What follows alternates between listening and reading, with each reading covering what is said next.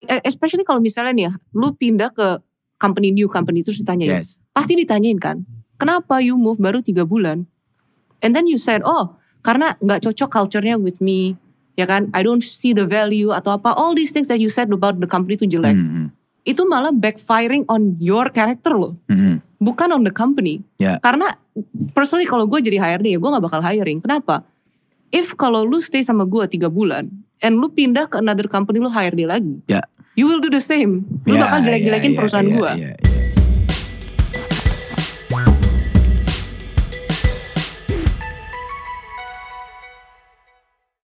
Halo friend, balik lagi sama gue Bas Boy di MLD Podcast, another episode of this podcast. Dan gue pengen bilang thank you dulu yang pastinya buat lo semua yang udah nonton episode kemarin bareng Oza di mana ngebahas soal salah persepsi tentang healing dan lain-lain yang pecah banget dan respon lo juga semua positif banget. Thank you banget udah ngikutin selalu episode-episode MLD Podcast. Dan hari ini gue kedatangan nih tamu gue spesial, ada dua orang. Ada Jonathan N, Halo. seorang content creator yang bergerak di seputar self improvement lah ya bisa Betul, gue bilang betul, ya. betul. Dari hustle culture, work mentality dan lain-lain. Dan juga ada Stefanio, seorang entrepreneur, Halo, capital venture, gokil. Yoi. ex-partner venture capital. Oke, Ya. oke, oke, oke, oke, oke, oke. Nah hari ini kita bakal banyak ngebahas soal hustle, work mentality, work ethics, terutama di seputar generasi Z nih, generasi mati lampu, Gen Z. Yoi, Gen Z, mati lampu pak. Itu gak ada di skrip tuh. Gak ada, gak ada. Itu tadi bunga-bunga gue sendiri. anyway, sebelum kita mulai, gue pasti gak akan bosan-bosan ngingetin buat lo semua untuk jangan lupa ambil jatah booster lo, biar kita semua makin aman. Covid rate-nya makin turun, jadi kita bisa balik ke aktivitas-aktivitas publik. Dan pastinya MLD Podcast jadinya juga bisa bikin acara-acara seru offline lainnya nih, gak cuman podcast. Dan lo semua bisa hadir dan kita bisa seruan bareng-bareng. Dan jangan lupa juga untuk follow kita di Instagram di @mldspot dan subscribe channel YouTube kita MLD Spot TV dan juga di Spotify kita ada di MLD Podcast. Anyway, langsung nih kita masuk nih ke pertanyaan pertama nih ya.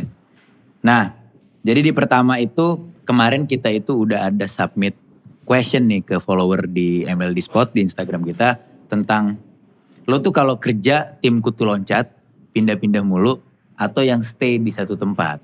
Right. Nah, kita nanya ke followers nih kemarin. Ah. Sebelum kita bahas followers, kalau lo berdua jawab secara singkat, lo tuh tim yang mana nih? Kalau gue sendiri, gue males pindah-pindah ya. Oke, Karena kan ketika lo pindah, lo tuh harus adaptasi lagi. benar. Adaptasi sama teman-teman lainnya gitu kan. Iya. Teman-teman kerja, terus sama atasannya, Iya. sama culture kantornya gitu ya.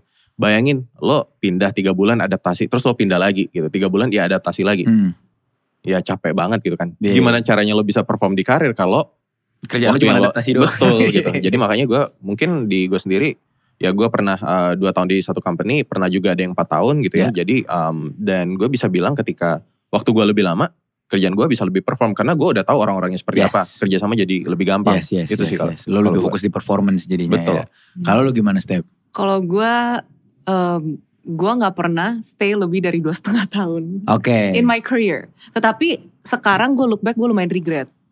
Oke. Gue lumayan regret karena I agree with you. Kalau misalnya lu actually bisa lebih dari tiga tahun, lima tahun, 10 tahun, then you really get too deep with the culture, with the people, lu lebih Hmm. kenal dan skills lu juga pasti jauh lebih diasah daripada cuma 2-3 tahun. Ya. Tetapi uh, aside from that gitu positifnya kenapa gue pikiran dua setengah tahun dua tahun dulu back then, gue mikirnya kayak oh kalau misalnya gue ke ke perusahaan lain I Mhm. can know more people ya kan, terus habis itu gue bisa belajar different types of things, which happens bagus juga gitu loh. Yeah. For me it works well as well, tetapi on one hand it should have been maybe five years lah. Oke. Dua tahun menurut gue agak terlalu uh, terlalu short. You wish you were staying longer Iya. lah ya berarti ya. Nah ini kalau pendapat dari audiens kita kemarin nih submission pendapat mereka tuh ada kayak dari Ed Gilgit bilang kalau freelance freelance termasuk kutu loncat nggak? Menurut lu freelance termasuk kutu loncat nggak? Um, tergantung beda cerita sih kan. Kalau freelance ini mungkin kan you try to build your business ya. Jadi Iya. self employed ya. Iya iya. Jadi bahkan orang kan kadang mikir freelance itu oh ya udah gue kerja di rumah. It's more than that. Setuju. Lo bahkan Setuju. harus nyari klien sendiri. Jadi Yes. sebenarnya lo ngerjain semua sendiri. Iya Misalnya gue kerja as a designer nih. iya. Oke gue ngerjain desain. Tapi di satu sisi gue juga harus jadi sales. Gue Iya. ngejual desain-desain gue ke Gue orang juga lain. jadi AE. Jadi AE juga. Cari-cari klien gitu kan. Yes. Gue harus eh, jadi marketing juga. Gimana Yes. caranya gue bisa mikirin desain-desain gue ini ada Yes. yang ngeliat juga. Bener. Nah itu kan sebenarnya ribet ya. Ribet banget. Nah, harus jadi jadi, mungkin- project manager juga lagi to Benar, make sure betul, everything betul. delivered on time. Benar. Exactly. benar. Dan mungkin konteksnya mungkin kalau freelance ya you stay true in your your apa ya um, area lo. Ya Iya. tadi desainer ya lo kerjain semua jangan kayak aduh gua baru ngedis eh, apa freelance 6 bulan aduh bosan ganti lah lagi benar-benar. ganti benar. lagi atau yang lain Benar. lagi. gitu kan. Berarti bisa gue bilang sebenarnya freelance itu bukan kutu loncat dong. Karena dia on one career path kan. Betul. Yang kutu loncat tuh kliennya mungkin.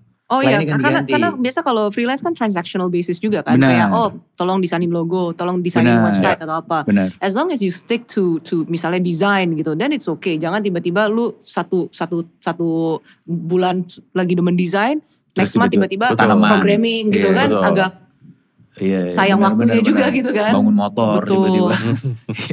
Bener eh, ganti-ganti bi- apa ganti-ganti field lah berarti Betul. ya kutu iya. loncat ya. Terus itu ada dari Vicky Fadila. Hmm. Tergantung situasi dan kondisi nih kalau dia katanya. Gue tuh bingung tuh gimana tergantung situasi dan kondisi maksudnya. Dalam pertanyaan lu tuh kutu loncat. Nah, kutu loncat ini kan mungkin kan kalau em, ini juga ada ada anggapan nih bahwa Ya. Gen Z sekarang kan kayak oh dari eh, satu tahun udah pindah-pindah kantor gitu Hmm. bahkan less than a year Ya.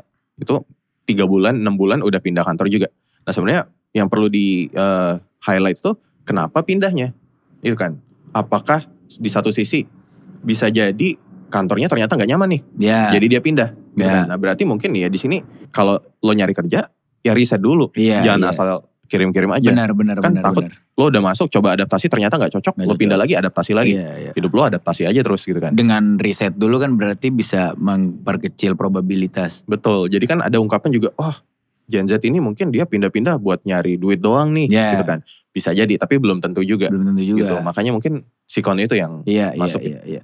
Terus nih, tapi ada juga dari @karis.ca. Udah stay 4 tahun di kantor karena benefit oke. Dan menurut gue Hmm. nih jarang nih sampai 4 tahun loh, betul. Di angkatan gue generasi 97 sekarang ya. ke bawah. 4 tahun tuh Iya. lama sih menurut gue buat angkatan gue ke bawah ya. Biasanya tuh yang stay lebih dari 4 tahun, 5 tahun tuh building their own business. Ya. Building their own uh, uh, uh, stage name. Pokoknya yang their own ya biasanya yang lebih tahan 3 tahun bahkan sampai 10 tahun gitu. Tapi kalau kerja di satu perusahaan jarang nih salah satu rare case. Terus terakhir tuh dari @pw Prio yang penting WFH. Biar traveling jadi occupation, kerja jadi passion. WK WK WK. Gimana menurut lo? Iya, Statement. yang tadi sebelumnya ya. Iya. Itu menurut gue sih kalau misalnya lu lihat kayak companies kayak gue pernah di Sinarmas, gue pernah di Jarum, gue Iya. pernah di eh, Java ya kan. Iya. Semuanya tuh yang di atas gue, let's say yang boomers lah, di atas kita berarti boomers ya. Iya, Eh, mereka tuh hampir 20-30 tahun loh in the company loh. iya benar benar And bisa. they're so loyal up to the point sampai ownernya so trusting. Mereka benar-benar sampai dikasih shares of the company. Ya, So menurut gue tuh itu justru if you wanna build your career in the corporate path, Yeah. that's the way to go. Bukan lu Right. build tiga bulan, tiga bulan, tiga bulan. Karena at the end of the day Jakarta tuh, especially kalau Jakarta ya, Yeah. Jakarta itu sempit banget, it is. very very small, Mhm. ya kan? Kalau misalnya lu lompat tiga bulan ke company A ke company B, si HRD company B tuh bisa telepon lo Benar. ke company A ini Benar. kenapa ini what happened? Yes. Kalau misalnya lu setiap tiga bulan pindah-pindah begitu, what does that say about you? Ya, ya, ya. You It's not about the commit, company yeah. anymore. It's all It's about, you. Benar, benar. Gak ada yang mau hire you lagi. Gue setuju, gue setuju. Ditambah lagi di Twitter udah ada account-account kayak @hrd bacot. betul Iya, account-account gosip para HRD tuh isinya tuh. Iya. Gokil. Jadi ya beneran akhirnya eh, terbangun juga sebuah environment gosip Iya. dari lingkungan kerja gitu maksud gue dan dengan lo pindah-pindah juga bisa jadi dampak yang buruk juga buat lo sendiri gitu ya. Banget. As paling, eh, especially kalau misalnya nih, ya, lu pindah ke company new company terus ditanyain. Yes. Pasti ditanyain kan, kenapa you move baru tiga bulan? And then you said, oh karena nggak cocok culture-nya with me. Ya kan, I don't see the value atau apa. All these things that you said about the company itu jelek. Hmm, Itu malah backfiring on your character loh. hmm, hmm. bukan on the company. Ya. Karena personally kalau gue jadi HRD ya gue gak bakal hiring. Kenapa? If kalau lu stay sama gue tiga bulan and lu pindah ke another company lu hire dia lagi, Ya. you will do the same. Lu Ya, bakal jelek-jelekin ya, ya, perusahaan ya, gue. Iya, iya, iya, iya. Dan when Habit it kan? when it becomes a pattern, it's you gitu loh. Ya, dan nambahin juga konteks HRD ya. Jadi HRD itu kan mereka punya KPI ya. Jadi turnover rate harus rendah. Turnover rate itu apa? Jadi orang yang keluar itu kalau bisa sesedikit mungkin. Hmm, Kenapa? Karena proses interview itu udah makan waktu. benar. Ibarat gue HRD nih, gue nyari talent, browsing browsing, Iya, atau gue posting di eh, apa di lowongan di Yes. online gitu ya. Itu Iya. juga kan gue bayar gitu. benar, Terus em, interviewnya lagi benar. tuh satu jam. Iya. Bayangin interview 10 orang. Operasional 10 jam ya. udah satu hari Iya, tuh iya, gue buat iya. interview doang gitu. Benar. Yang bisa dikerjain buat hal lain. Iya. Nah kalau gue interview eh, akhirnya gue terima satu orang, satu tahun kemudian nih orang cabut gitu kan. Kan berarti gue harus ngerjain lagi. Gue harus Hal yang serupa kayak betul tadi. dari sisi company juga ini costnya gede. Benar. Apalagi itu masih mending baru baru spending on that yang Hmm. menurut gua paling costly tuh pas udah selesai pas udah masuk Ya, karena training satu lagi.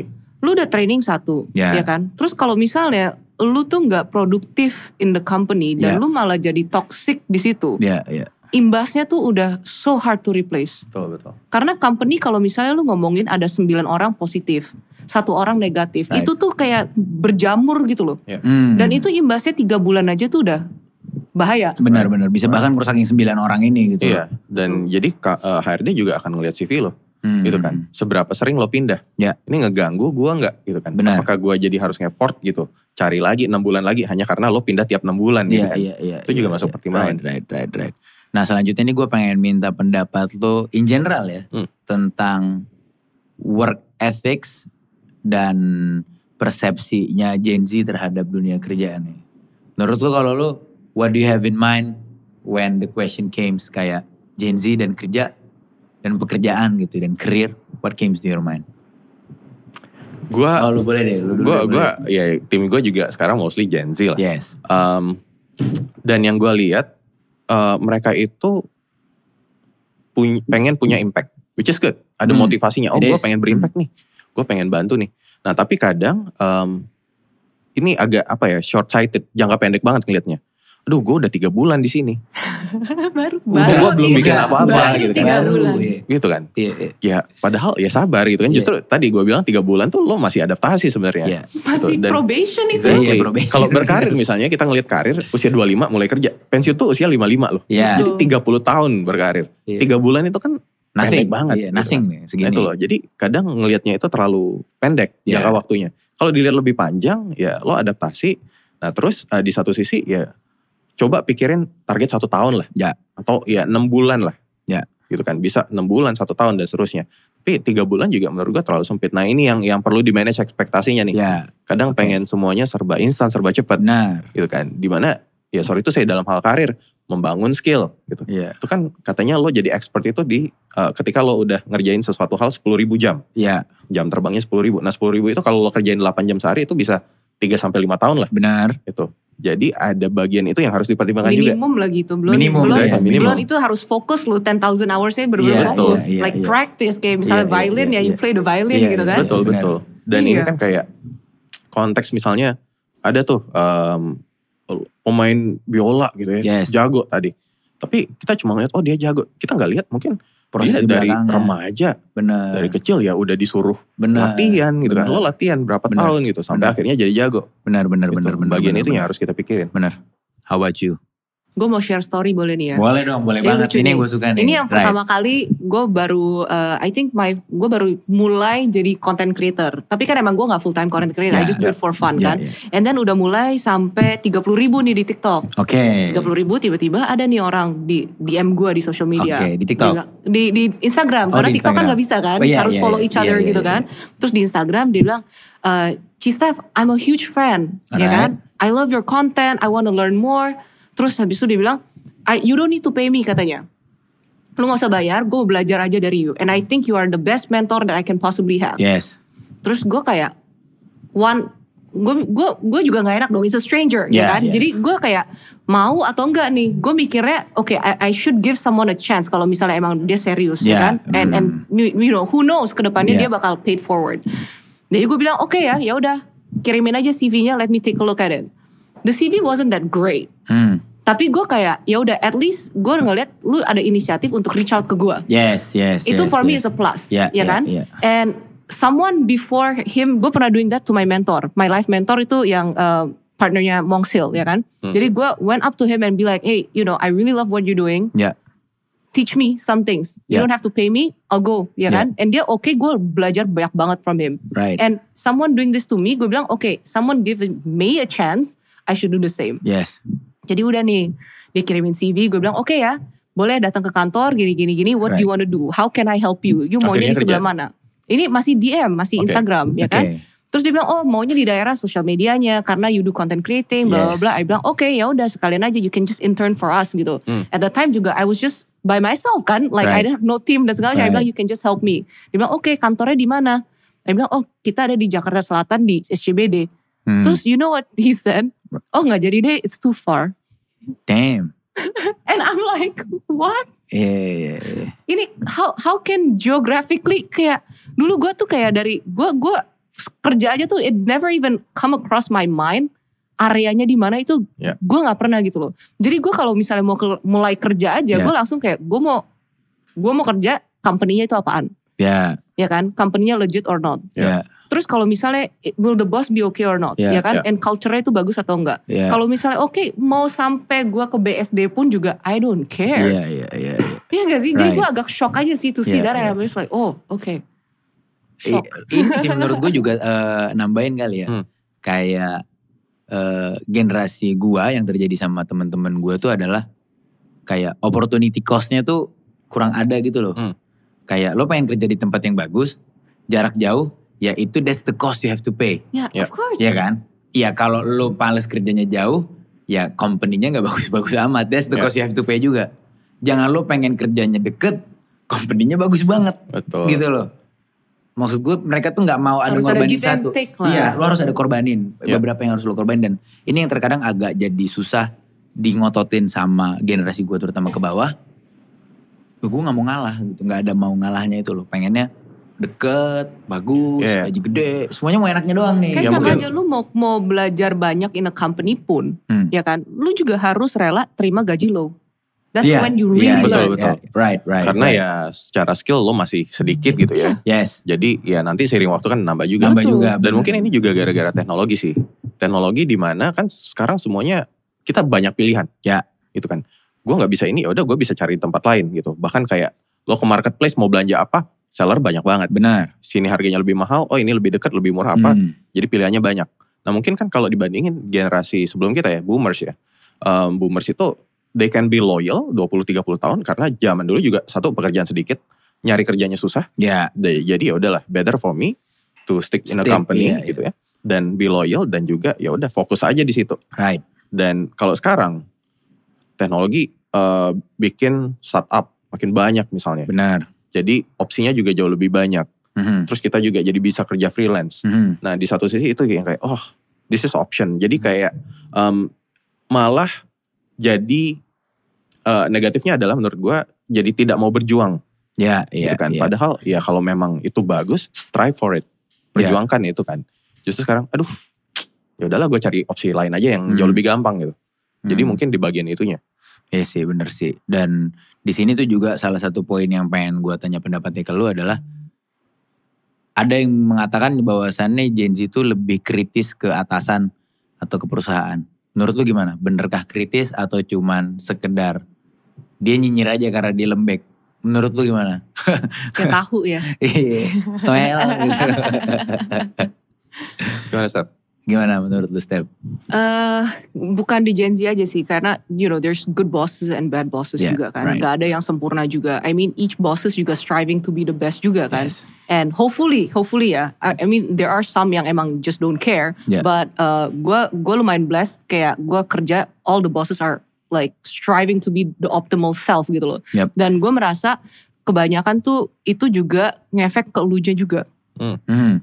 Bukan cuman kalau misalnya elunya tuh um, ada apa ya jatuhnya investable Hmm. in terms of their time, ya kan? They will do the same gitu loh. Tapi kalau lu nya aja disuruh ngapain, lu nya udah, aduh too much work, Ya. gua nggak mau, gue ini komplain apa segala macam. Ya, The boss juga males dong, setuju. ngapain gitu loh? Ngapain gue invest my time in building your skill? Kalau lu nya aja nggak mau Yeah, gitu you don't even want to build your own skill. Iya. Yeah. Lu nya udah cepet-cepet give up, Yes. cepet komplain apa segala macam. Yes. Dan salah siapa, right? Yes. Ya, ya. I Lalu see juga gimana? tergantung environment sih. Hmm. Ya. Tadi ya, ada culture yang ya udah ini satu arah dari Hmm. atas ke bawah lakukan kayak gini Ya. pokoknya. Ada uh, culture juga um, di mana environmentnya itu kondusif buat lo diskusi bahkan diskusi sama atasan. Hmm. Nah mungkin gue juga um, gue kerja di creative industry ya Ya. um, sudah 10 tahun. Nah di sini ya kita open jadi Hmm. kayak lebih chill lah. Ya. Secara penampilan, secara pembawaan, Yes. obrolan juga. Yes, Jadi yes. bos kita tuh bos yang paling gede pun reachable. ya Bisa diajak gua, ngobrol gitu kan. gua. Benar, Bisa benar, diajak benar. ngobrol dan ini kan bikin suasana jadi enak banget. Right. Itu karena in a way meskipun atasan bawahan tapi kamu bisa treat each other itu sebagai teman Benar, benar, Gitu. benar. Dalam konteks yang berbeda-beda. gitu. Iya, iya. Dan mungkin ya kritisnya pun ya masukan-masukan apa pun ya bisa disampaikan dengan baik juga. Iya, iya, dan iya. di, di satu sisi kayak Steph bilang tadi, bosnya juga mau ngelihat gitu. Bosnya juga mau spend time buat ya udah gue dengerin lu, gue bantu lu, gue Ya. ikut ngembangin lu. Iya, iya, gitu. iya. Nah, jadi yang lebih penting dilihat itu sebenarnya si secara environment Ya. ini kondusif apa enggak sih buat kita kritis gitu. Iya, iya. Ya dan I think juga kayak harus ngeliat diri sendiri juga kan. Kayak are you worth the investment of your boss punya time or not? Yes, yes, yes, yes, yes. Karena dia spend 2 jam sama lu, dia bisa ngapain something else yang lebih Benar. productive for himself. Betul, betul. Benar. Itu yang menurut gue tuh harus ada rasa bersyukur juga dan Hmm. lu tuh even kalau misalnya bos lu itu bad, Hmm. ya kan? Key takeaway-nya apa? Lu bisa belajar how to manage stakeholder juga. That's a really good skill for business menurut gue Right. ya. Especially kalau lu mau build your own business, lu mau Hmm. financial freedom, you need to be able to manage your stakeholders. Hmm. Sometimes juga in life lu nggak bisa dapet what you want. That's just life. Ya, benar. Deal with it. Right. Mau ngapain, right? Iya, you just iya, have iya. to stick through it. Iya, iya, iya. Benar, benar, benar, benar, benar. Dan tadi kan kita jadi ngebahas environment. Sebelumnya kita Hmm. tadi banyak ngebahas Iya. ethics-nya, kita bahas environment. Lo aware gak kalau Gen Z itu punya cend- kecenderungan untuk environment kerjanya tuh ada kayak tipikalnya ya. Kayak rata-rata tuh maunya startup, Hmm. terus kayak e-commerce biasanya. Ya. Terus banyak yang strive ke creative industry. Terus biasa modelannya kayak pengennya kantornya tuh gak kaku dalam artian yang kayak bagi mereka tuh kantor tuh kayak Google gitu ada mainannya, kebayang lo maksud gue? Iya, iya. Dapat makan siang gratis. Nah iya gitu udah banyak perks di kantornya gitu yang berupa perks yang align sama sama beliefsnya mereka ya Iya. bukan bukan karena kan hitungannya lu dapat asuransi itu kan perks ya. Iya. Salah satu perks ngantor gitu maksud gua. How do you respond to that? Menurut gue ini geniusnya Google ya. Right. You know why they do all those things? Kenapa tuh? It's because they want the employees to stay longer so they can work in the office longer.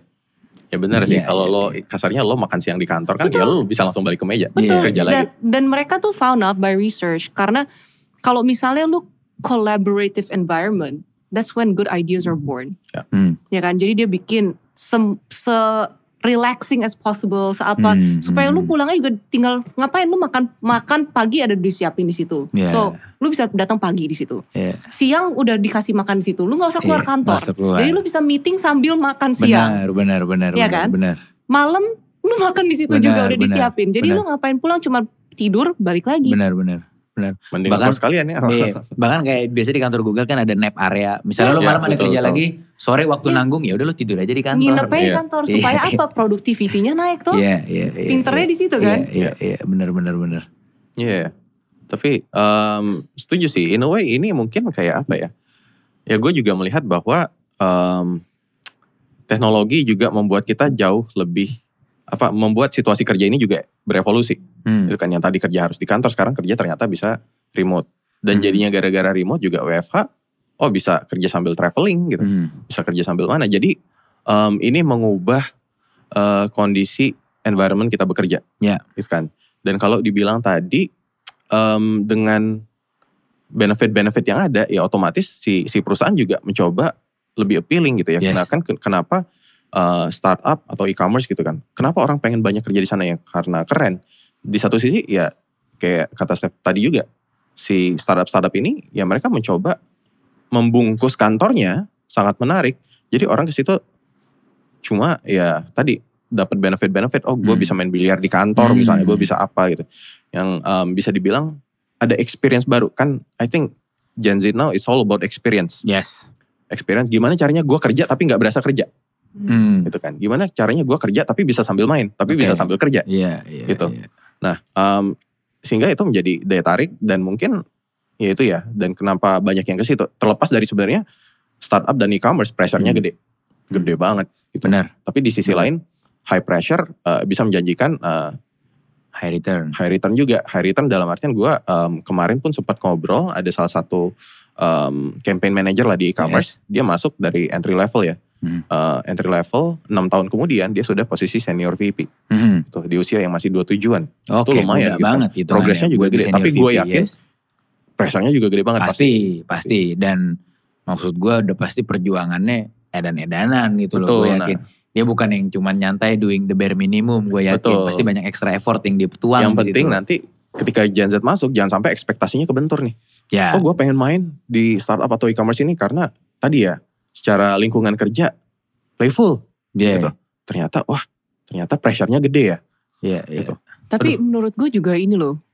That kind of thinking punya office uh, yang bagus, Right. warna-warni, Yeah, terus yeah, bisa yeah. chilling, bisa ada nap time. That's a luxury. Ya. It Iya is, it is, it is, it is, For me itu luxury loh. it is. Just because kayak maksud gue kayak just lu punya job aja itu mesti udah bersyukur. Hmm. Hmm. Ya kan? These kind of things tuh menurut gue it's like icing on the top.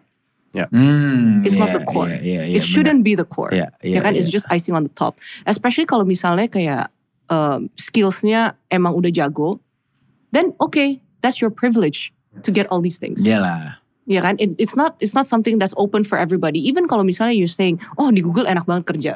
Iya. Emang gampang masuk Google? Susah. Betul. Susah banget. Ya Susah kan? banget, benar. Itu the top berapa persentil yang bisa masuk ke situ. Benar, benar, benar. Gue setuju. Nggak sembarang orang bisa masuk ke situ. Benar, gue setuju. Ya gue kan? setuju.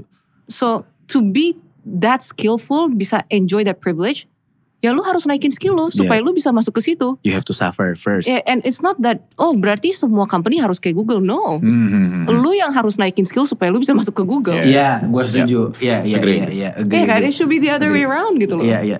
Berarti di satu sisi lo setuju gak kalau gue bilang karena ini juga yang gue rasain ya, maksudnya dari dari observasi gue sendiri terhadap generasi gue dan generasi yang lebih muda lagi dari gue adalah we think the world revolves around us. Hmm. Akunya tuh besar banget gitu loh. Everything have to be on my term. Ya. Iya kan? I want to work but I want to do this but there's so many buts. Lu setuju gak sama itu? Em, bisa dibilang setuju. Karena ini juga ya, baik lagi. eh tadi ya, em, on demand kan sekarang. Iya. Lo mau apa-apa sekarang bisa.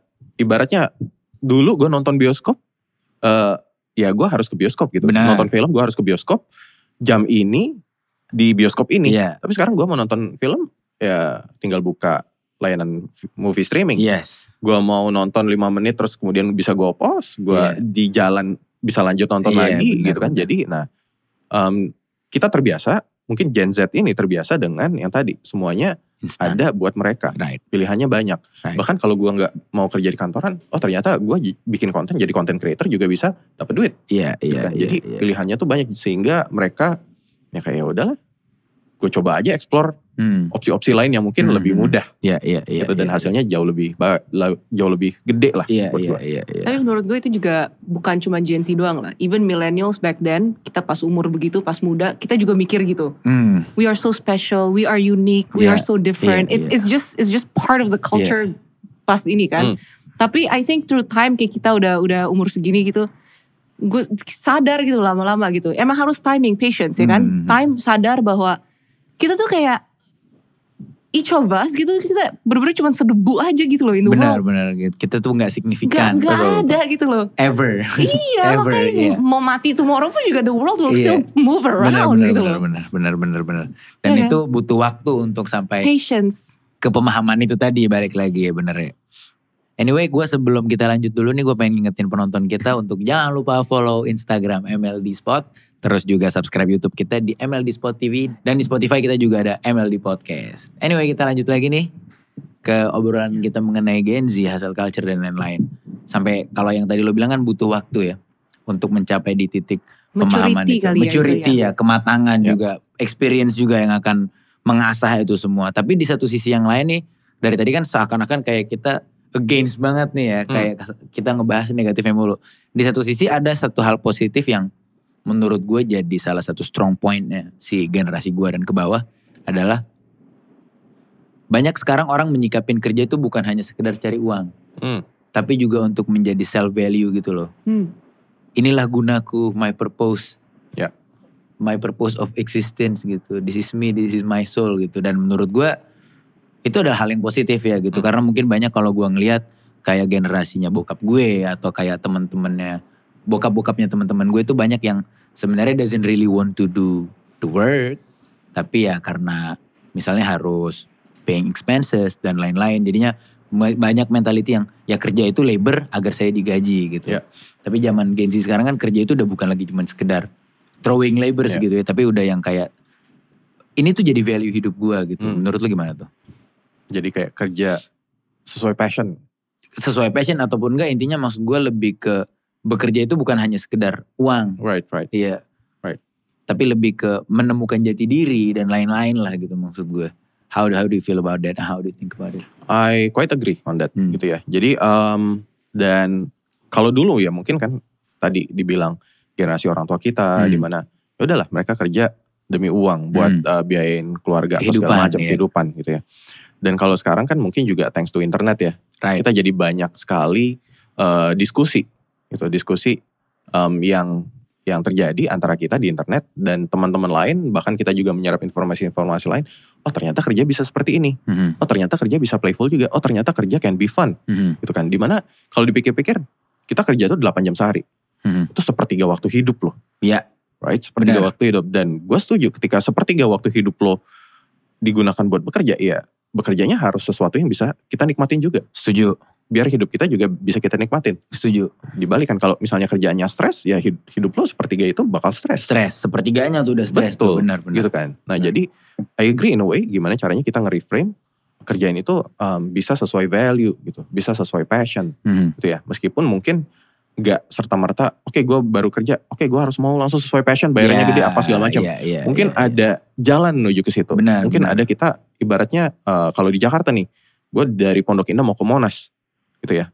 Mungkin ada jalan lurus, tapi mungkin ada titik-titik macet, ya gue harus belok dikit, Iya, gitu iya, ya. iya. gue harus iya, muter iya. dikit. Iya, Indian kan, gue percaya eh, tujuan gue akan sampai ke Monas, gitu ya. itu jadi em, buat Gen Z juga em, motivasi itu bagus punya kerjaan sesuai value tapi em, kita juga harus work our ways around that ketika Yes. kita nggak nemu itu untuk pertama kali gitu Yes, yes. berarti kayak kata Stephanie tadi ya, kayak jangan berharap semua kantor jadi kayak Google, tapi work your ass off Betul. sampai lu deserve environment yang kayak Correct. di Google Exactly. gitu ya. Correct. I think it also depends kayak it's very good menurut gue kalau misalnya lu kerja and you don't feel itu purpose lu itu juga lu wasting time Hmm, in a way. Hmm. Karena again, you have so limited time hmm. ya kan even in the workplace, especially women by the way. Women Right. lebih cut off lagi kan. Yeah. Yeah.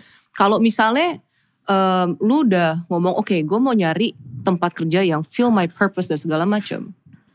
Technically lu dari kata itu aja lu udah ngomong it's a service for you. Hmm. Ya. Ya kan? The company doesn't care about your jati diri, Yes. right? That's you. Ya. You want to find your jati diri, Yeah, right? So that means kalau misalnya begitu, the other surroundings lu nggak bisa kayak oh gaji gue harus tinggi. Ya dong. Yeah. That means the company lu lu expect the company untuk bayarin lu supaya lu ja- cari jati, Jati diri lu, lu. iya. That's weird, no? Lu siapa? lu Iya kan? siapa? Bener kan? Iya, iya. Kayak kalau misalnya lu lu udah bilang, oke, gue di sini mau cari uang. Oke. Misalnya that's your purpose. Hmm. Lu mau cari uang. That type of thing mestinya udah nggak matter karena the motive, the drive is The that, money, right? ya. Jadi lu jangan komplain gitu loh. Because I really think the world itu semuanya tuh is fair. Hmm, hmm, Ya hmm. kan? Eh, pasti ada bagus ada jeleknya. Yes. Ya.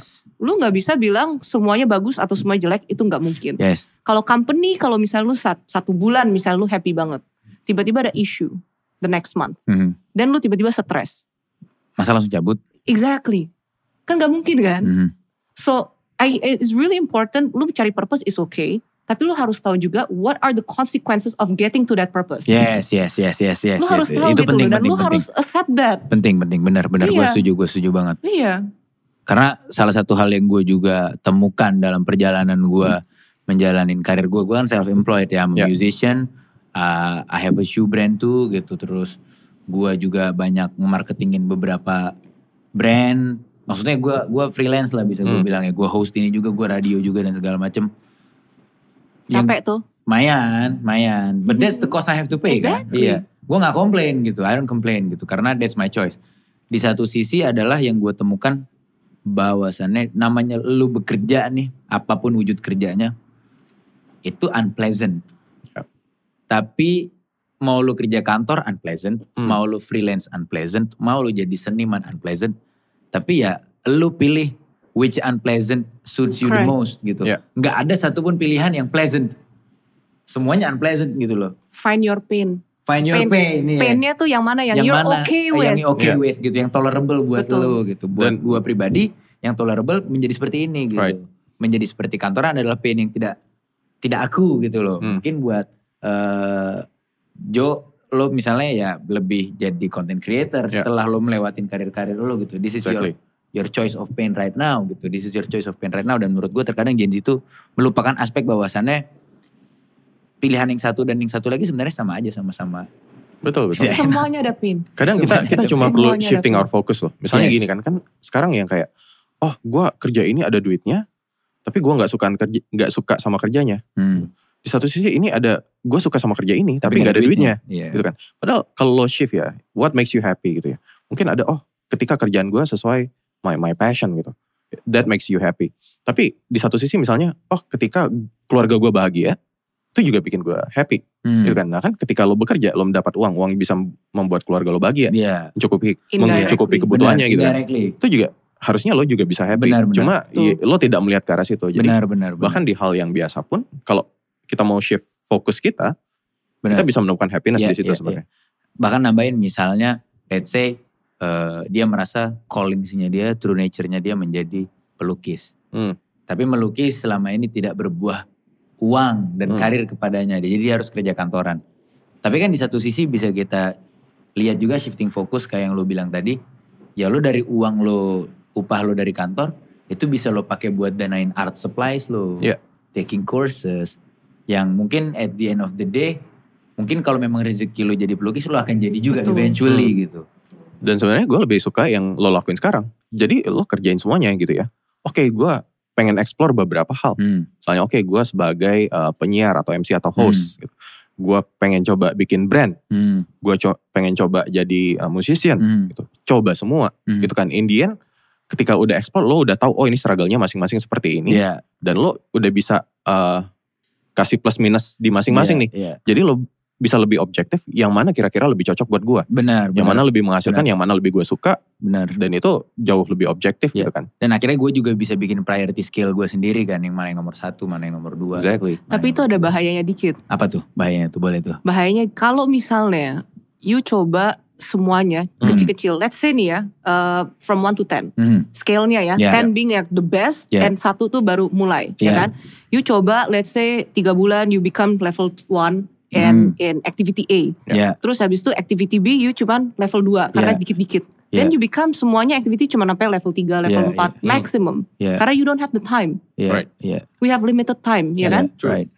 Pasti you sleep berapa jam dan segala macam itu Hmm. udah pasti no given, udah nggak mungkin bisa di diganggu gitu kan? Ya. Jadi Yeah. in terms of productivity itu harus benar-benar you allocate how do you allocate your time. Benar, benar. Itu gue Ini setuju. penting banget, Itu gue ya kan? setuju. Itu gue setuju. Kalau misalnya you do that, at the end of the day nggak ada yang jalan. Hmm. Biasanya seperti itu, especially in business ya. Ya, ya, ya. Ini ini gue ngeliat entrepreneur tuh banyak banget, in, in Indonesian juga banyak. Iya, Sampai iya. one of my VC friends bilang, ini kan dia dari dari Southeast Asia ya. Iya. Dia bilang, what is it about Indonesian entrepreneurs? Why are they all trying to do like five different things at once? Ya, ya, ya. Why? Ya, ya, ya. Ya kan? Biasa tuh di luar they focus on one thing, One thing. do or die, Ya. ya kan? Justru fokusnya semua at that one Yes, thing, yes, yes. really be the best. Setelah mereka udah dapat cash cow-nya itu, it generates a lot of income. Baru mereka explore. Baru mereka explore. Yeah. Right, right. Jadi Kalau- mungkin itu ada safety netnya. Ya, iya, Right. iya. Kalau gue pribadi sih sebenarnya yang gue lakuin tadi dari beberapa bidang yang gue lakuin, kalau gue itu bukan lebih jadinya eh, separate things, itu lebih ke ada satu yang gue tuju, ini skill set yang gue butuhin tuh untuk naik levelnya. Jadi memang gue butuh ini semua dan semuanya kebetulan inline. Ini Right. membantu yang ini, ini membantu yang ini, ini membantu yang ini. Contoh misalnya kayak gue siaran radio, siaran radio membantu gue public speaking, ngelatih gue public speaking, sekaligus gue gatekeeping promotion untuk Hmm. musik gue Ya. Hmm. di satu sisi gitu. Yang kedua di skill public speaking gue jadi ngebantu gue di panggung interaksi gue sama penonton dan lain-lain ditambah menambah koneksi gue dengan labels dengan stakeholder musik dan lain-lain jadi yang gue pilih lakuin itu memang secara hati-hati gue usahakan ini tuh berkolerasi bukan Yeah, yeah. separate things bukan yang kayak gue bermusik terus satu lagi gue membangun kapal gitu misalnya. Yeah, itu kan right. yang kayak jadinya Iya. lu nya juga jadi bingung badan lu juga stres gitu gue Hmm. yakin gitu loh Ya berarti dari satu keahlian gimana caranya kita bisa diversifikasi nih. Iya, Bisa masuk iya, banyak dari satu keahlian. itu yang gue setuju ya. Bukan benar. berarti kayak oh jadi membangun lima keahlian gitu iya, ya karena iya, iya, butuh iya, waktu juga iya, buat bener. Nggak kayak kasarnya lo kuliah kedokteran terus sambil kuliah teknik Hmm. gitu. Ya, ya.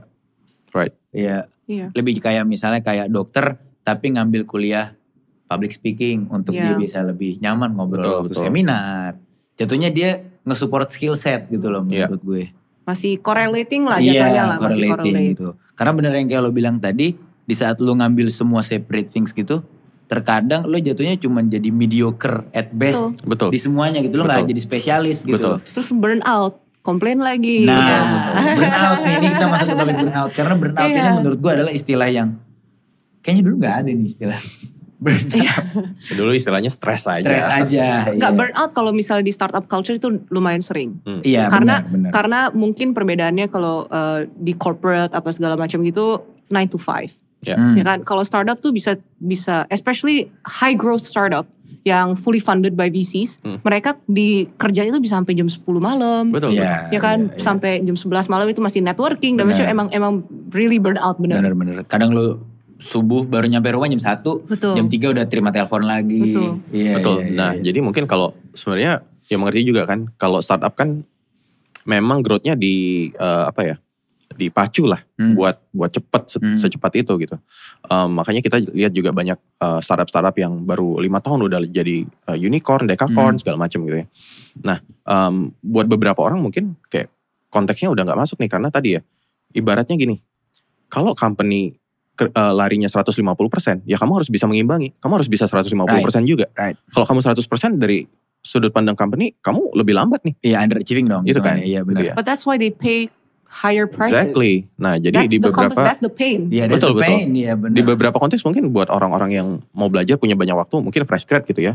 Bisa tuh, ya gue nggak masalah dengan eh, jam kerja lebih eh, banyak. Hmm. Di satu sisi gue juga mungkin bisa belajar, tapi Hmm. untuk orang-orang yang mungkin, oh gue ada keluarga gitu, ada prioritas lain Hmm. gitu, itu jadi susah, challenging. Gitu. Tapi Jadi gue selalu mikir kalau misalnya lu kayak gitu, ngapain masuk startup? Mungkin dia tidak Right? tahu. iya, iya. Berarti balik lagi ke yang lo bilang di poin lo tadi, dianya sendiri juga kurang riset sama tempat yang pengen dia Betul. datengin gitu. Iya. Maksud gua kalau lo datang ke suatu tempat dan lo tidak tahu menahu, kalau di sana ada macan terus lo mati dimakan macan, menurut gue that's on you sih. Ya betul. Dan Apalagi kan startup juga is very uncertain juga unless kayak udah udah you know series A, series B udah funding udah lumayan, Yes. oke lah gitu kan. Yes, Tapi yes, kalau yes. misalnya lu ngomongin kayak masih seed dan segala macam, the risk is so high, Yes. Ya. ya kan? And kalau misalnya you chose, ini pilihan lo, Hmm. pilihan you chose to work in those type of companies, ya you have to expect the risk. betul. Benar, itu betul, balik lagi gue bilang betul. tadi gitu. Iya. Nah itu yang yang tidak banyak terkomunikasi karena lagi-lagi media kita Media, media, media. cuma Hmm. highlight mungkin yang bagus-bagusnya. Padahal 90% startup gagal. Goodbye. Tapi ke mana 90% ini kok nggak di cover media? Gak gitu pernah kan? di center ya. Tapi Iya. itu yang gue juga em, agak lucu menurut gue ya. Hmm. Karena for me kegagalan itu hand in hand banget sama sukses. Yes, Ya yes, kan? yes, yes. Tetapi gue nggak tahu kenapa. Ini di Amerika is is not that big of a deal. You failed ya udah, you move on to the next project right, gitu kan. Right. But I don't know why. It's just maybe it's like uh, because I grew up in America juga kan. Yeah. Gue ke Indo, kenapa kegagalan itu why is it a taboo? Oh like, iya, Why iya, benar, why benar. kenapa lu malu lu Benar, gagal benar. gitu? Nggak keren Why? di mata Nggak keren, tetangga. iya. So, but semuanya juga kegagalan. Kalau misalnya lu ngomongin uh, Jeff Bezos misalnya, Iya. Amazon, ya kan? Amazon pas sekarang lu lihat sukses. Hmm, Of course it took him years Of to build course, it today, yeah, ya kan? And through time juga dia tuh sering keluarin features-features atau produk yang gagal. benar, benar, benar. Iya kan? Right. And when kalau lu sukses, semua kegagalan lu nggak ada yang cerita juga. Anyways gitu loh. Iya, orang akan lupa, iya. People bakal nyeri ceritanya yang sukses itu kan. The benar. media again bakal ingin highlight yang sukses itu. Iya. Tetapi kegagalan itu justru yang yang kalau lu nggak gagal itu lu nggak susah justru lu untuk suksesnya gitu. loh. Benar, benar, benar. Ya, Iya. sesimpel kayak lu gak akan pernah bisa ngehargain sehat kalau lu gak pernah sakit. Ya. kan kasarnya gitu betul. aja gitu. Maksud gue lu pasti akan take it for granted dong gitu. Hmm. Kalau lu gak pernah ngerasain sakit ya buat lu sehat bukan sebuah blessings gitu. Betul. Ya emang segini minimal gue segini nih gitu jatuhnya. Bener gue setuju dan di satu sisi menurut gue culturally juga di Indonesia jangankan gagal ya. Merintis aja tuh kadang malu. Kenapa? Gak tahu gue gitu kayak merintis tuh gak keren. Kayak yang keren itu Udah jadi. langsung jadi Apakah gitu. karena belum suksesnya? belum suksesnya iya terkadang tuh orang tuh banyak maksud gue gue nemuin juga di lingkungan teman gue teman-teman yang merintis mereka tuh agak minder gitu loh karena masih Hmm. merintis justru menurut gue kayak lu keren man gitu you stand for Betul. something gitu Ya. Betul. you want something and then you work your ass for it Betul. gitu walaupun lu belum dapat but you're on your way gitu loh Betul. Yeah. and that's cool gitu You dibanding lu got, you got courage lah. Iya gitu untuk Iya. jemput bola gitu. Betul. Iya. Dibanding lu cuma berharap tiba-tiba ada orang baik banget Betul. datang ke lu, "Pak, ini Pak bolanya silakan" gitu. Betul. I Right? agree. I Iya agree kan? completely. The fact that you chose that path itu makanya gue kayak respect musicians apa segala Yes, macam yes. karena itu menurut gue you choose the riskier path Hmm.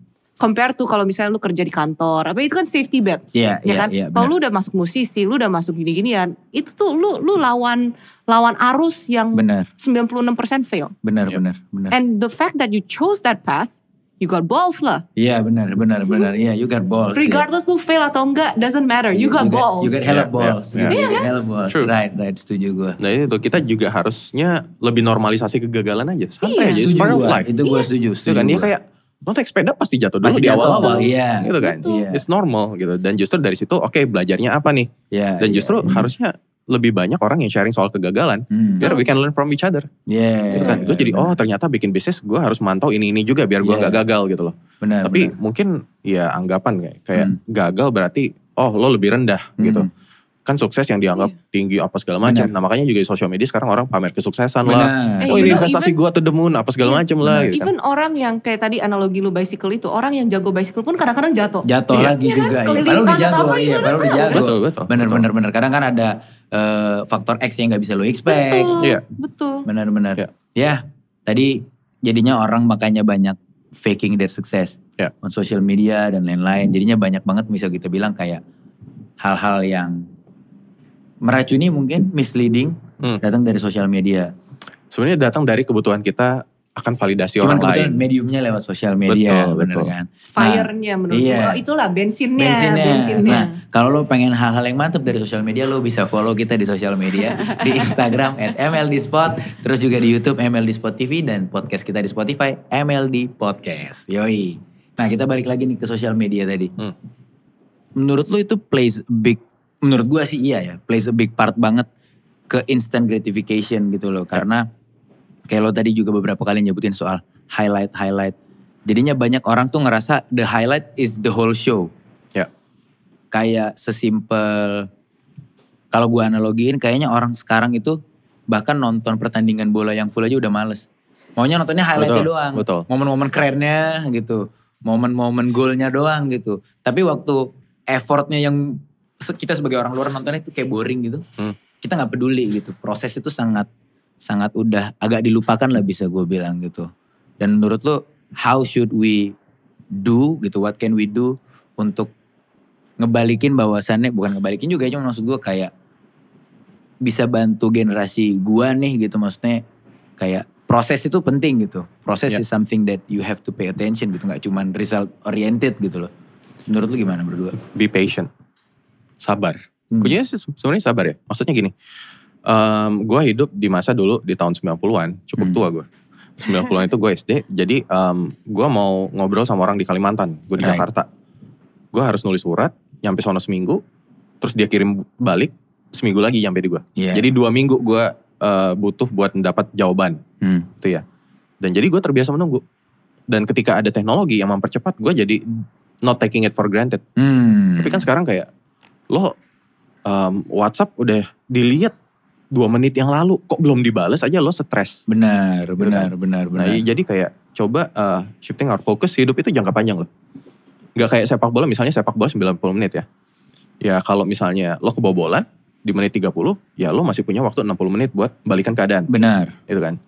Um, kalau lo bisa nyetak dua gol di 90 menit itu lo jadi menang. benar Kalau enggak lo jadi kalah. benar Tapi kan hidup jangka panjang ya, infinite. Infinite game uh, bukunya Simon Sinek. gitu. Benar. Infinite game.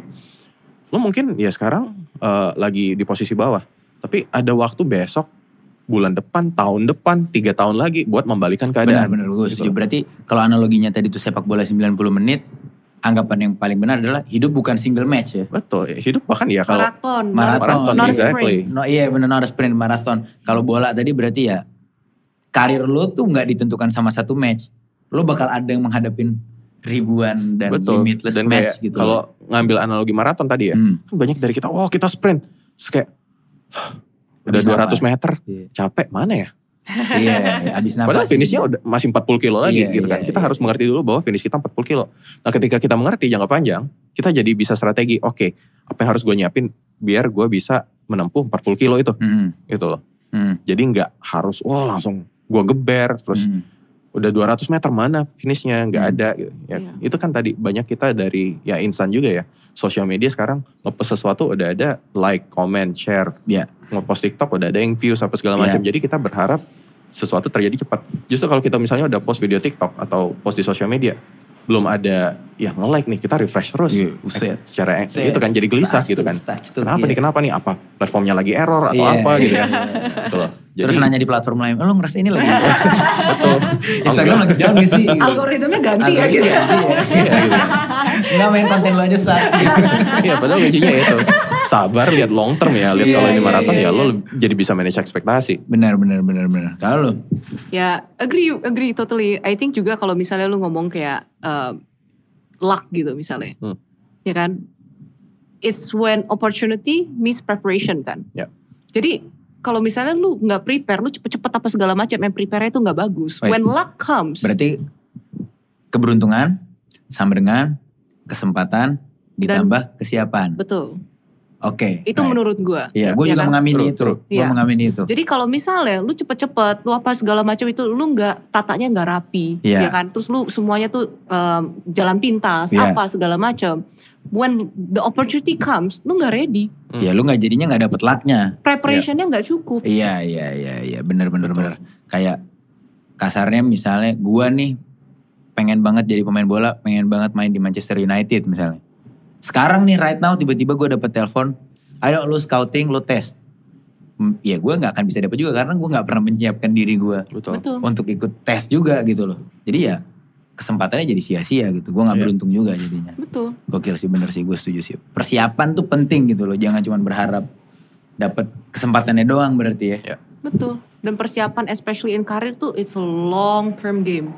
Hmm, True. hmm, hmm, hmm. Dan gini loh kalau ngomong kesempatan ya. Jadi fun fact. Katak itu cuma bisa ngelihat lalat yang bergerak sebagai makanan. Oke. Jadi kalau lalatnya mati diem gitu, dia nggak ngeliat itu sebagai makanan.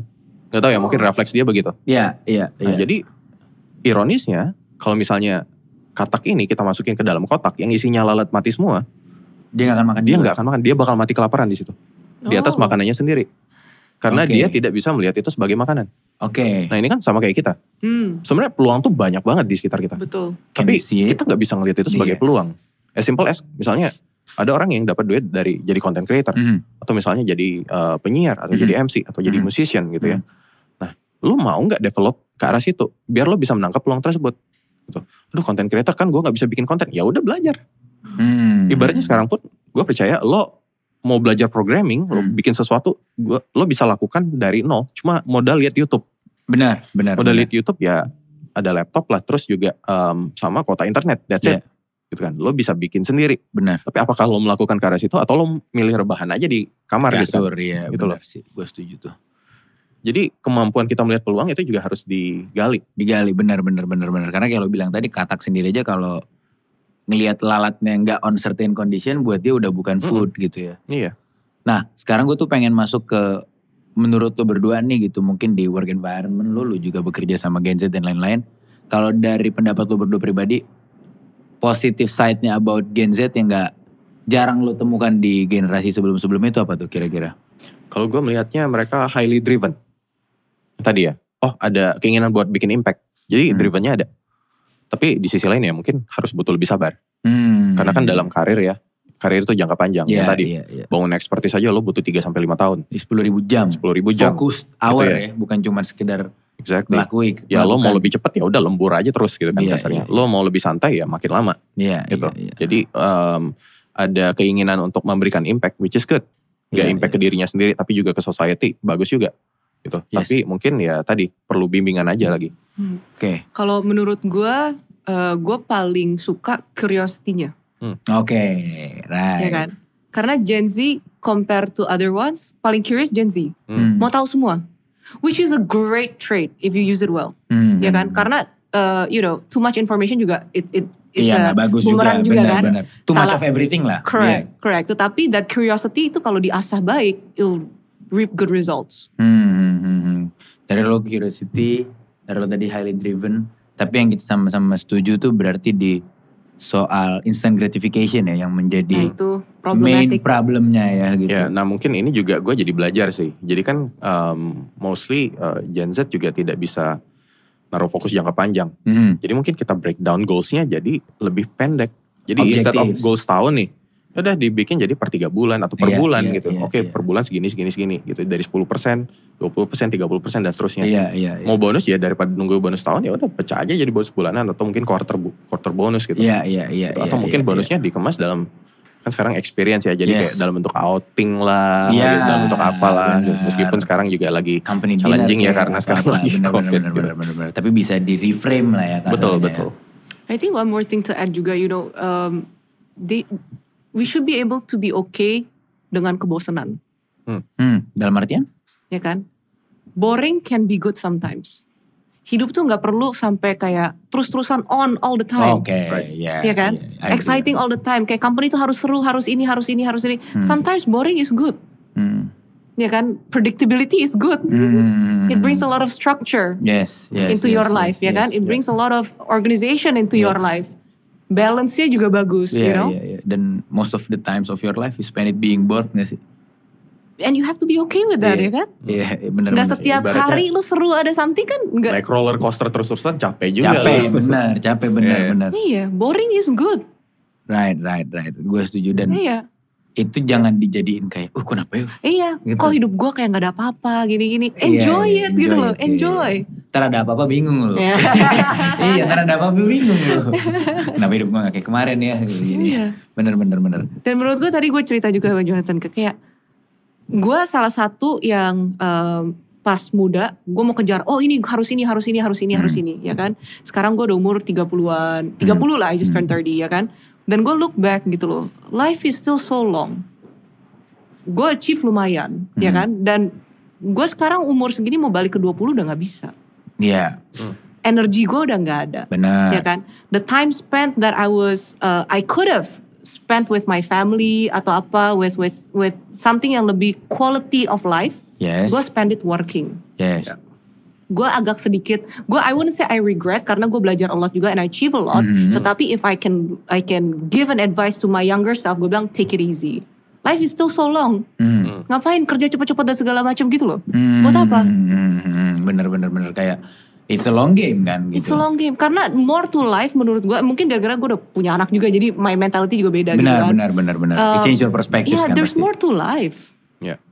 Ya. Yeah, there's Not only life. about work and money lah ya. Iya, iya. There's more to life, gue setuju sih. It's just not that gitu. It's more to life. Yeah, lu yeah. lu chill sama keluarga lu ya kan. Yeah. That's more quality I feel. Iya, bener, bener, bener, bener. Kalau lu, from your younger uh, self, gitu, experience lu waktu lu, sebelum di fase inilah gitu, waktu lu. Right. Karena kan kalau kita ngomongin Gen Z tadi, Gen Z sekarang kan pasti masih di pekerjaan pertama atau mungkin masih seeking for jobs juga. Hmm. Kalau lu sendiri pengalaman lu waktu di fase itu, kayak Right. gimana tuh? Gua sih um, jangan takut buat nyobain hal baru. Oke. Jangan takut buat nyobain hal baru. Dan bisa dibilang juga karir gue sampai sekarang ya. Maksudnya dulu gue arsitek. Hmm. Dulu gue arsitek kerja di luar uh, di Singapura. Terus um, ada Krismon kena pecat gitu ya. Uh, dan jadinya gue waktu itu kayak aduh cukup bimbang nih. Gue Mhm. harus balik ke Indo gitu ya. Hmm. Wah gue kerja arsitek apa enggak ya gitu. Dan kemudian ada tawaran pekerjaan um, jadi social media admin. Hmm. Nah itu ternyata awal karir gue di social media selama 12 tahun. Awalnya dari situ. Ya. Dan itu gue kayak waktu itu yang ya udahlah uh, terima aja. Hmm. Nah tapi ternyata dari sesuatu hal baru itu jadi gue menemukan ada possibilities lagi. Oh ternyata itu membawa gue ke hidup gue yang sekarang gitu. Hmm. Nah jadi buat mungkin teman-teman juga di rumah jangan takut buat nyobain hal baru karena yang tadi ya kadang em, kita itu pengen sesuatu yang aman, familiar, Ya. gitu kan. Wah ini sesuatu yang baru, nih gue nggak tahu nih bakal kayak gimana nih. Mhm. Takut di satu sisi. Tapi I think fear is good. Takut itu menunjukkan arah ke mana kita harus berkembang. Hmm. Menaklukkan ketakutan itu. betul. Iya. Jadi setuju coba, Indikator. iya coba lihat, explore di arah situ. Kira-kira sebenarnya ada opportunities nggak yang ada, tapi kita nggak mau ambil karena tadi kita cuma takut gitu ya. Mhm. Nah jadi um, coba explore di situ dan kayak learn new stuff, do new things. Itu secara nggak langsung memperkaya kita juga. Kita jadi tahu tentang diri kita, preferensi kita. Betul. Soalnya Mhm. makanan aja. Gimana caranya gue tahu misalnya pizza itu enak apa enggak, gue suka pizza atau enggak kalau gue belum pernah makan pizza. Benar, Gitu benar, kan. benar, Jadi benar. di satu sisi juga explorable. Benar, benar, Gitu. benar, benar. Gue setuju, setuju, setuju, setuju. Ya, kayak lo bilang tadi ya, kasarnya open up your horizon lah berarti ya. Hmm. Meet new people, read books, watch movies, Iya. input lah gitu. Gue bilang nothing will go to waste menurut gue. Itu gue setuju banget loh. Nothing. Itu gue setuju Lu mau banget. loh. kerjain apa dan segala macam, mau gagal, mau apa, semuanya ada of value. Lu pasti ada key takeaway-nya dan Yes, lu yes. bisa bawa for your next Yes, journey. yes, yes. Iya. Pasti. Iya, Kayak betul. contoh misalnya dulu bokap gue bilang di gue bermusik misalnya. Seandainya pun gue tidak bisa striving, tidak bisa hidup dari karir gue bermusik, terus gue ngantor, ya seenggaknya gue sekarang jadi karyawan yang punya plus value, he's good at music, Iya. he's fun to be with. Ada acara korporat atau apa, bos butuh happy-happy, yang dicari siapa? Lu. Dan lu Gitu. pasti dapat lifelong friends juga kan towards Iya, that time kan? benar, benar, benar. Dia jadi benar yang lo bilang, nothing is wasted. Nothing. Ya. Bener gue setuju banget tuh. Jadi ya jangan terutama buat Gen Z jangan yang jadinya kayak ah nanti gagal jadinya sia-sia mending gak usah. Mungkin kita baru bisa lihat di masa depan. Benar. Jadi sekarang benar. ibaratnya eh, Steve Jobs ya. Jadi cerita Steve Jobs, em, Steve Jobs kan dia drop out from Hmm. college karena dia merasa, oh biayanya mahal banget. Mhm. Sementara nyokap gue single mom gitu ya. Mhm. Gue ngera gak ngerasa ini worth it lah buat dia. Dia ya udah dia memutuskan berhenti. Nah gara-gara berhenti dia nggak ada beban dia ikut kelas kaligrafi. Mhm. Kaligrafi gitu out of Hmm. nowhere gitu kan. Em, nah ternyata kaligrafi itu yang eh, membuat sense design dia jadi bagus. Dan bertahun-tahun kemudian, puluhan tahun kemudian ketika dia jadi CEO Apple, akhirnya bikin font Helvetica. Hmm. Yang sampai sekarang masih Benar, jadi one of the benar, best benar, font benar, gitu kan. benar, benar, Nah, benar. itu baru teraplikasikan Betul. bertahun-tahun kemudian Benar, gitu loh. benar. Betul. Pokoknya menurut gue sih ya kayak skill in general. Iya. Lu mau belajar apa pun, apa pun. The magic happens when you can combine dua skill at once. For Ya, example, iya, kayak again ya kan, tech and design. Yes. Magicnya di situ, Ya, ya, ya, ya. ya kan. ya. Tapi kalau misalnya lu nggak coba, ya lu mau mau you're just the same as anybody else benar, gitu kan. benar. Apa yang mau lu combine juga gitu. Hmm. Karena lu gak ada mastery Iya. lebih dari satu gitu. Bener, bener, bener. Gue setuju. And kalau lu invest ke diri lu sendiri, skills. Itu menurut gue ya, is the best investment that you can possibly make. Ya, ya, ya, ya, ya. Lu gak usah mikirin saham, gak usah mikirin... Reksadana. Gak perlu, gak Iya, perlu lu iya, invest benar, di di leher ke atas deh udah. Iya, iya, gitu iya. aja deh cukup sebelum lu umur 30. Ya, ya, ya. Ya kan? Di atas Setuju. 30 pun juga it's continuous learning. Kita aja masih terus-terusan belajar tuh. Betul, bener, betul. bener. Gak mungkin stop. Yoi, forever student ya. Forever a student of the game. Forever. Yes. Nah ini sekarang nih menjadi akhir dari topik kita nih. Dari semua tadi yang kita bahas mengenai etos kerja, Hmm. mengenai habits dan lain-lain. Jatuhlah di satu topik mengenai work-life integration. What do you know about work-life integration? Mungkin kalau dulu sebelumnya kan terms yang populer adalah work-life balance. Balance. ya. Iya. Right. Kita mulai dari work-life balance dulu. Kalau menurut tuh what is work-life balance? Um, work life balance ya ini ya. Um, dalam artian kita mencoba mencari jangan sampai gua kerja di forsir mulu gitu. Iya. Hidup gue cuma buat kerja, gue jadi nggak bisa merasakan hidup. Iya. Kan kasarnya begitu kan. Iya. Makanya kayak um, ya udah kerja 8 jam, mungkin dulu kayak kerja 8 jam tapi gimana caranya setelah kerja nih gue punya kehidupan nih Benar. gitu kan. 8 jam kerja, 8 jam tidur, sisa 8 8 jam nih cuma. Iya. 8 jam itu juga mungkin udah kepake 4 jam buat mandi, makan, commuting Hmm. gitu kan. Tinggal sisa 4 jam gitu. Benar, benar. Nah, jadi gue juga pengen experience life. Kan, apalagi kalau kita ngomongin Gen Z, it's all about experience, experience. Nah, makanya work life balance juga jadi cukup penting. Karena mungkin kalau di generasi boomer, gue kerja buat keluarga. Jadi Mhm. sacrifice-nya juga gede. Ya. Gue kerja ya udah gue lembur, yang penting keluarga gue bahagia. Bahagia, tercukupi, Betul. aman dan nah kalau Gen. Z mungkin lebih lebih individualis sedikit ya. Benar, benar. Karena oke gue juga pengen experience life dong Iya, gitu. iya. Um, which is fair dan jadinya gimana ya caranya biar gue bisa dapat work life balance Iya. gitu kan. Di bagian itu jadi work life balance jangan sampai hidup buat kerja doang nih Oke. gitu. Dan gue juga mengerti Dan Iya. sekarang kalau kita ngomongin integration, Integration. integration ya, em, gimana caranya biar tadi eh, kerja nggak berasa kerja, bisa playful juga, bisa Hmm. di mana-mana gitu kan. Hmm, hmm. Apalagi dengan adanya teknologi. Ya. Oh work from Bali, Ya, work gitu from kan. Bali, Integration, gue bisa menikmati hidup zen di Bali, tapi juga bisa sambil, Sambil kerja, bekerja, gitu kan. Jadi di bagian itu juga yang dicari. Iya, Em, Mungkin sekarang nggak semua company bisa begitu, tapi ya sudah mulai shifting lah. Iya, gue liatnya. bisa gue Apalagi bilang jumlah yang bisa kayak gitu nggak dikit lah ya. betul betul. Apalagi kan pandemi dipaksa WFH, Benar. toh ternyata bisa nih. Nah tinggal Hmm. masalah rumahnya di mana aja kan, Mhm, gitu. mhm. Em, jadi kayak kerja apa eh, di mana aja, kapan aja juga Hmm. fleksibel gitu. Dan gue juga mengerti kadang mungkin ada yang oh gue jam segini sampai jam segini gue lagi ada ini dulu ya mau Yes. gue mau ngambil course atau apa tapi Yeah. tenang kerjaan bisa beres kok Yes. gue ma- nggak masalah yang penting kan kalau gue selama kerjaan beres lo nggak ngelewatin deadline mau cara lo gimana mau lo kerjain sehari kelar gitu ya sisanya lo nyantai terserah gitu. Mhm. jadi um, that's I think the work life integration gimana caranya kita bisa masukin kerja kapan aja di mana aja lebih fun Hmm. lebih enak juga buat kita Nice, nice, nice, nice. Kalau dari lu gimana? Karena kan lu juga tadi bilang there's more to life juga kan gitu. Iya. Eh, How does that apply to work life integration? Gue agree, tetapi menurut gue that lingo is that word lah ya word life balance is quite misleading Oke. menurut gue. Dalam artian? Karena kalau misalnya gue ngeliat dari sisi company ya, Mhm. sisi company, lu mau work life balance totally okay, tetapi productivity output lu juga harus balance. Hmm, hmm, hmm, Iya hmm. dong. Hmm, Lu Right, kalau right. misalnya mau work life balance lu di kantor 8 jam tiba tiap hari cuma nonton YouTube di kantor. Sama aja bohong. Dan ngapain lu ke kantor? Iya, iya. Dan lu expect untuk work life balance gitu kan Hmm. minta agak aneh gitu loh. Benar, benar, Dari benar. sisi kantor menurut gua kalau misalnya lu kerjain everything great, lu mau work life balance fair. ya Ya, benar, benar, benar. Give and take balik Give and lagi. take iya. lagi kan, the world is fair, the career Hmm. path juga fair gitu loh. Hmm. Menurut gue juga sekarang companies udah mulai terapin itu as long as your productivity level bagus. Hmm, Ya kan? Benar, benar. Nah isunya kalau misalnya uh, you're talking about like remote work, Hmm. ya kan? Hmm. If your output itu nggak bisa si, apa uh, exceeding expectations, Hmm. Mhm. ya kan? Gue sebagai company, kenapa gue nggak hire orang di India aja? ya Benar, Atau gue hire orang Singapura? benar. ya kan yang productivity-nya mungkin lebih tinggi dengan cost yang lower. Benar, Toh dua-duanya remote. I can still zoom. Iya, benar, benar. Lo nggak terpatok sama geografis juga. Exactly. Nggak ngefek kan orang it's remote kan. Iya.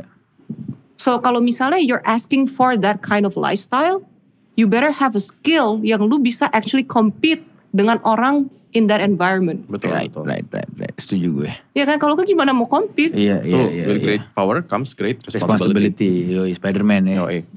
Tapi bener yang gue bilang, jadi eh bener yang si Stephanie bilang, gue setuju banget. Kalau lo pengen a certain lifestyle, iya you you work for it gitu loh. Hmm. Proof bahwasannya lu pantas Betul. mendapatkan itu gitu. Jangan lu belum proof, lu nggak ada usahanya, tapi lu pengen doang gitu loh. Ya. Itu kan yang, yang suka menjadi problem adalah di situ tadi gitu. Ekspektasinya nggak bisa di manage gitu loh. Mereka Betul. juga nggak bisa ngasih, maunya nerima doang, give and take ya balik lagi ya. Berarti ya key points dari obrolan kita hari ini bersama Stephanie dan Jonathan teman-teman adalah terutama untuk generasi Z, kita ini mungkin bisa dibilang generasi yang insightful, highly driven. Hopefully, iya, hopefully, kita hopefully. bisa Iya. give those things. Iya, terus eh, apa ya sebenarnya generasi yang punya banyak perks yang traits yang oke banget sebenarnya. Cuman kita punya satu common problems yaitu instant gratification dari dari tadi kita bahas dan managing expectation gitu Iya. loh. Jadi ya buat kita nih teman-teman berarti yang harus kita jaga tuh adalah ekspektasi kita, terus juga performa kita juga harus kita tunjukin gitu loh. Jangan hanya demanding, Hmm. tapi kita juga harus give berarti ya. Oke, itu tadi dia obrolan gue bersama Jonathan dan Stephanie hari ini. Thank you loh Steph. Thank Pleasure. you Jo udah datang hari ini dan udah discuss hal-hal kayak gini nih seru banget dan gue yakin insightful banget juga buat yang nonton dan buat lo jangan lupa kalau episode kita tuh semuanya ada di YouTube MLD Spot TV, terus di Spotify ada di MLD Podcast dan semua infonya juga bakal selalu kita siarkan di Instagram kita di @mldspot. Jangan lupa untuk follow dan subscribe semua platform kita ya. And Get yourself inspired by MLD Spot.